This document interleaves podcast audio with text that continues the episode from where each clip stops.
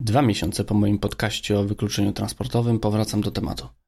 A to ze sprawą ustawy o Funduszu Rozwoju Przewozów Autobusowych o charakterze użyteczności publicznej, która w ubiegłym tygodniu nareszcie trafiła do Sejmu, a już w środę 15 maja wjedzie na ekspresową ścieżkę legislacyjną. Wtedy odbędzie się jej pierwsze czytanie i tego samego dnia zostanie zapewne skierowana pod wspólne obrady Komisji Infrastruktury i Samorządu Terytorialnego. Jako, że wnioskodawca ustawy, czyli minister infrastruktury, niespecjalnie przejął się uwagami, jakie skierowano do niego w toku przygotowania ustawy, dzisiaj postaram się pokazać, co jest z nią nie tak. Oczywiście wskażę również to, co w mojej ocenie zostało zrobione dobrze, choć będzie to raczej szukanie igły w stogu siana. Bartosz Jakubowski, węzeł przesiadkowy, zaczynamy.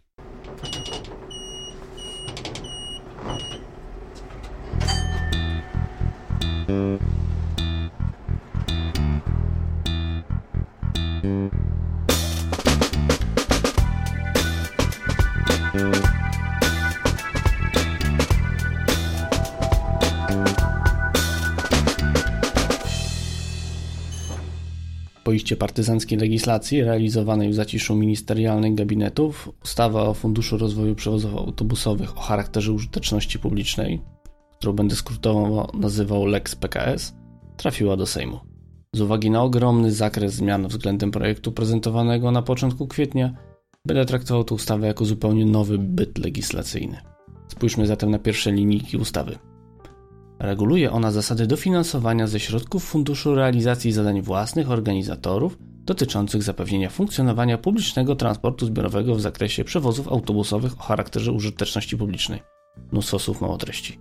Ale już w kolejnej linijce wyklucza całkowicie finansowanie komunikacji miejskiej, czyli tej gałęzi transportu autobusowego, którą samorządy w zdecydowanej większości organizują i finansują.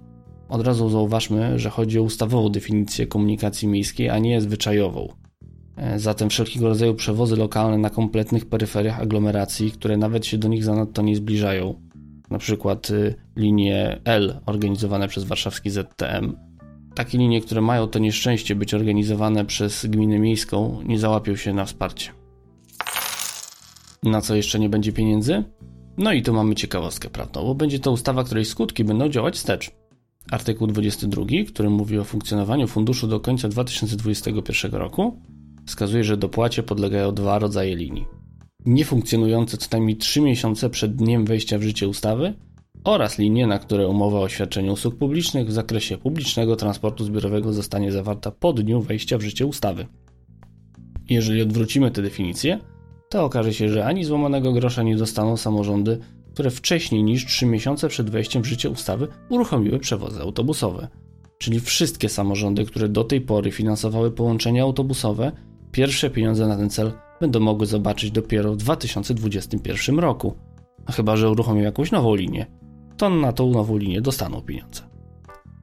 Przy okazji warto zwrócić uwagę, że mowa jest tylko o liniach użyteczności publicznej, więc wszystkie linie, które obecnie są obsługiwane przez przewoźników komercyjnie, nawet kiedy są to linie, na które gmina kupuje bilety dla uczniów, czyli tak zwane otwarte przewozy szkolne, nie kwalifikują się do tej definicji. Ergo, wszystkie linie rozumieniu ustawy są w zasadzie nowe. Pod warunkiem, że do tej pory samorząd nie wydawał na nie ani grosza. Nie robił nic. Co więcej, w kolejnym artykule ustawy dowiemy się, że pieniędzy nie dostaną zakłady budżetowe. To dlatego, że wymogiem otrzymania dopłaty jest zawarcie umowy o świadczenie usług w zakresie publicznego transportu zbiorowego. A zakłady budżetowe są operatorami z mocy ustawy, a nie na podstawie umowy. Więc forpoczta komunikacyjnej rewolucji, jaką jest powiat lipnowski, nie dostanie złamanego grosza. Raz, dlatego że starosta nie czekał na żadne nowelizacje, nowe przepisy, tylko zorganizował transport w terminie, w jakim pierwotnie miały wejść w życie nowe przepisy o transporcie publicznym. Dwa, dlatego że transport funkcjonuje w powiecie lipnowskim przewidzianym ustawą modelu zakładu budżetowego. Bilet sprzedaje nam bezpośrednio starostwo powiatowe. No ale dobrze wiedzieć, że racjonalny ustawodawca premiuje najbardziej zaradne i gospodarne samorządy. Jeszcze ciekawsze jest to, któremu województwu przypadnie najwięcej pieniędzy w pierwszym roku funkcjonowania funduszu. Otóż będzie to województwo podlaskie. Dlaczego? Dlatego, że głównym 70% wagi kryterium podziału środków jest udział w redukcji sieci komunikacyjnej względem roku 2011. Ustawa wszędzie wskazuje, że mowa jest o aktualnych danych GUS. Najbardziej aktualny to te za 2017 rok. E, prawdopodobnie przed wrześniem GUS nie zdąży opublikować nowego raportu z działalności sektora transportowego za rok 2018 i będą w pierwszym roku to najbardziej aktualne dane, na których będzie bazował ustawodawca. W województwie podlaskim ta sieć, o której mówiłem, skurczyła się w teorii najbardziej w całym kraju. Ale to tylko w teorii, dlatego że największy przewoźnik w województwie PKS Nowa nie złożył sprawozdania do Głównego Urzędu Statystycznego za rok 2017.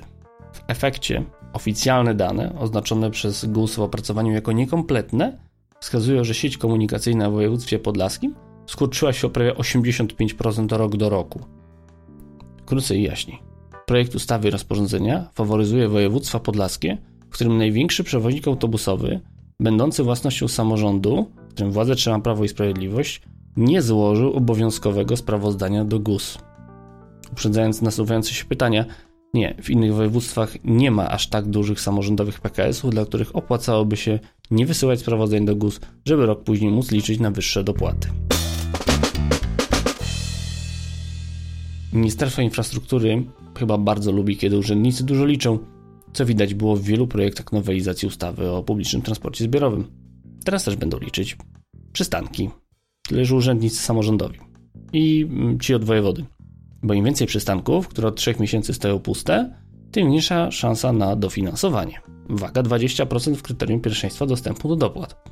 To samo dotyczy linii jako takich i ich długości, też po 20% wagi każdy punkt. A propos linii, to warto zwrócić uwagę, że trzymanie się kurczowo paradygmatu linii komunikacyjnej powoduje, że w zasadzie niemożliwe będzie uzyskanie dofinansowania na uruchomienie nowych kursów na już istniejącej linii lub rozszerzenie kursowania, np. od dni wolne od pracy lub szkoły, czyli wtedy, kiedy nie kursuje absolutnie żaden autobus. W ocenie wniosku nie liczy się bowiem częstotliwość kursowania ani liczba dni, w które będą oferowane połączenia, ale właśnie liczba przystanków, długość linii i ich liczba. Więc najważniejsze, żeby było dużo linii, i dużo przystanków. Jak w jednym z kultowych już połączeń wspomnianego wcześniej PKS Nowa, które liczy sobie 90 km i 48 przystanków. Jest wykonywane raz dziennie w dni nauki szkolnej. Z Olecka do Olecka przez cały powiat olecki. Zatem ustawodawcy chodzi o to, żeby było tak jak było. Co jest w sumie dość logiczne, bo jakby nie daj Boże, której z linii, na które udało się dostać dopłatę, zaczęłaby zarabiać albo przynajmniej przestać przynosić straty, to nasz racjonalny ustawodawca natychmiast tę dopłatę zabierze. Niezależnie od tego, jaki system wynagradzania operatora przyjął samorząd. Myślę, że może być całkiem zabawnie, kiedy jednostkowy deficyt linii będzie wyższy od wysokości rekompensaty, jaka będzie przysługiwać operatorowi na podstawie umowy z organizatorem. Spróbujmy to sobie zobrazować dość prawdopodobnym przykładem. Samorząd podpisuje z przewoźnikiem umowę na powiedzmy cztery linie. Linie oczywiście między sobą się różnią, na jednych jest więcej kilometrów do zrobienia, na innych mniej, na jednych jest więcej pasażerów, na innych mniej. No, wiadomo, życie. Samorząd umawia się z przewoźnikiem na stałą stawkę 50 groszy za kilometr, niezależnie od wyników finansowych linii. Miesięcznie wychodzi dla przykładu 40 tysięcy wozokilometrów, więc do wypłaty jest 20 tysięcy miesięcznie. To jest typowa konstrukcja umowy. Samorząd wie ile zapłaci, operator wie ile z dotacji dostanie, więc resztę musi sobie zarobić na rynku. No i teraz przychodzi nam gorszy miesiąc dla przewoźnika na jednej z linii. Przewoźnik zgodnie z ustawą liczy koszty i przychody i przedstawia wyliczenie, z którego wynika, że suma deficytu na nierentownych liniach wynosi 21 600, czyli 60 groszy od wozokilometra. Bo mamy jedną linię rentowną, zakładamy, ale że jako traktujemy każdą osobno, przecież rząd powiedział, że do rentownych dopłacą nie będzie, trzeba sumować tylko deficyty. I sumy deficytów nie pomniejsza zysk z linii rentownej. Więc samorząd zapłaci przewoźnikowi jak co miesiąc 20 tysięcy złotych i jednocześnie zgodnie z ustawą wystąpi o wypłatę dofinansowania z funduszu w kwocie 19 440 zł, czyli w naszym przykładzie około 63 groszy od wozokilometra. Ale i nie otrzyma, ponieważ wysokość rekompensaty wypłaconej operatorowi pomniejszona o dopłatę wynosi tylko 560 zł, czyli znacznie mniej niż 10% ceny usługi, która nie jest żadną ceną usługi.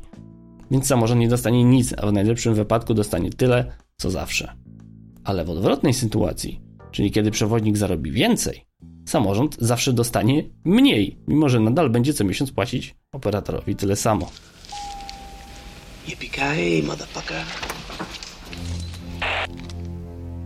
I w tym miejscu warto przejść do sposobu wyznaczania wysokości dopłaty i limitowaniu itd. Okolica 80 groszy 1 złotego to mniej więcej typowa średnia różnica pomiędzy kosztami a przychodami typowego lokalnego PKS-u, który turla się po ty typowymi autosanami po wiejskich drogach.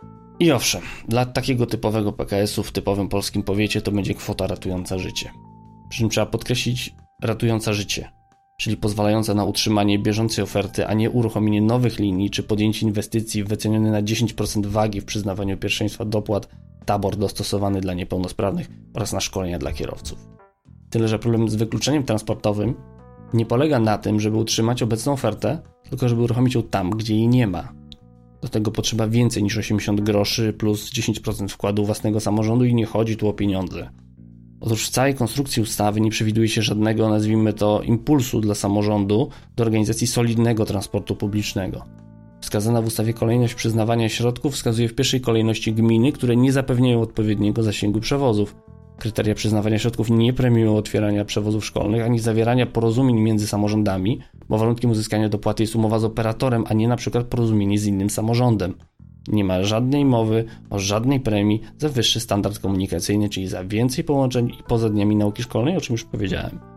Ponadto, biedne samorządy, które naprawdę nie mają pieniędzy, żeby sfinansować kosztowny dla nich transport publiczny, mam na myśli tutaj peryferyjne tereny w województwach warmińsko-mazurskim, podlaskim, mazowieckim, na Pomorzu Zachodnim czy po prostu w Bieszczadach, nie dostaną ich więcej niż te bogate. Ustawodawca daje im oczywiście pierwszeństwo wynikające z niższych dochodów podatkowych, znowu uwaga 20%, ale co im po tym pierwszeństwie, skoro deficytowość linii na ich terenie będzie dużo wyższa niż 89 groszy na wozokilometr? I tu jest właśnie problem w konstrukcji dopłat.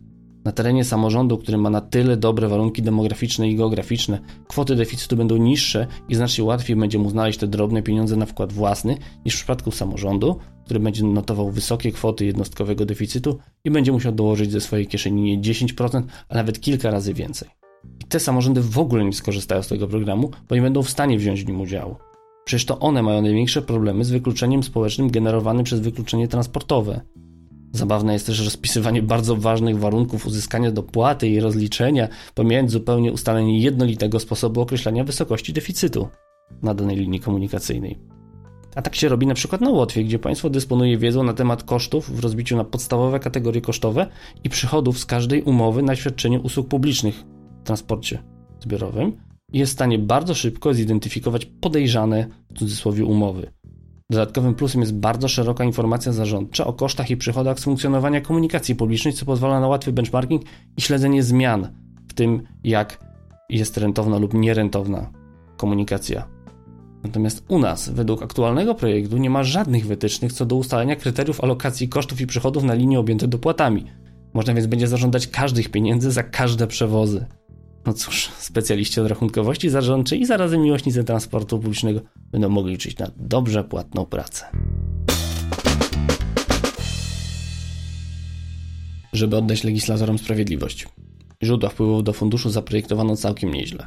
Padnie do niego 5% wpływów z opłaty emisyjnej, 55% z opłaty zastępczej, 4% z opłaty paliwowej, trochę resztek z wielu innych opłat pobieranych przez państwo i państwowe instytucje, a do tego jeszcze stała wpłata z budżetu w wysokości 200 milionów złotych rocznie. Razem w 2020 roku ma być to sporo ponad miliard złotych, a sama konstrukcja zapewnia w praktyce delikatną waloryzację. Byłoby jeszcze lepiej, gdyby wyższe wpływy z opłaty paliwowej obowiązywały dłużej niż do końca 2021 roku. Przyznam szczerze, że próbowałem znaleźć jeszcze jakieś plusy, ale nie udało mi się. Próbowałem dlatego, że uważam, że to nadal bardzo ważny temat dla Polski powiatowej i zasługuje na to, żeby zająć się nim dobrze. Szkoda tylko, że na potrzeby produkcji kiełbasy wyborczej został tak źle potraktowany. Zapraszam do śledzenia środowych obrad Sejmu i komisji sejmowych. Obrady Sejmu ruszają w środę o 10, komisja zbiera się o 14. Ze swojej strony zrobię wszystko, żeby zwrócić uwagę posłów na konieczność poprawienia tej ustawy. Choć zdaję sobie sprawę, że chęć ubicia szybkiego politycznego interesu przed wyborami jest bardzo silna. Nie bardzo też wierzę we wsparcie opozycji, która jak na razie w ogóle nie podjęła tego tematu i to jest chyba w tym wszystkim najsmutniejsze. Dzięki za uwagę, to był węzeł przysiadkowy. Do usłyszenia.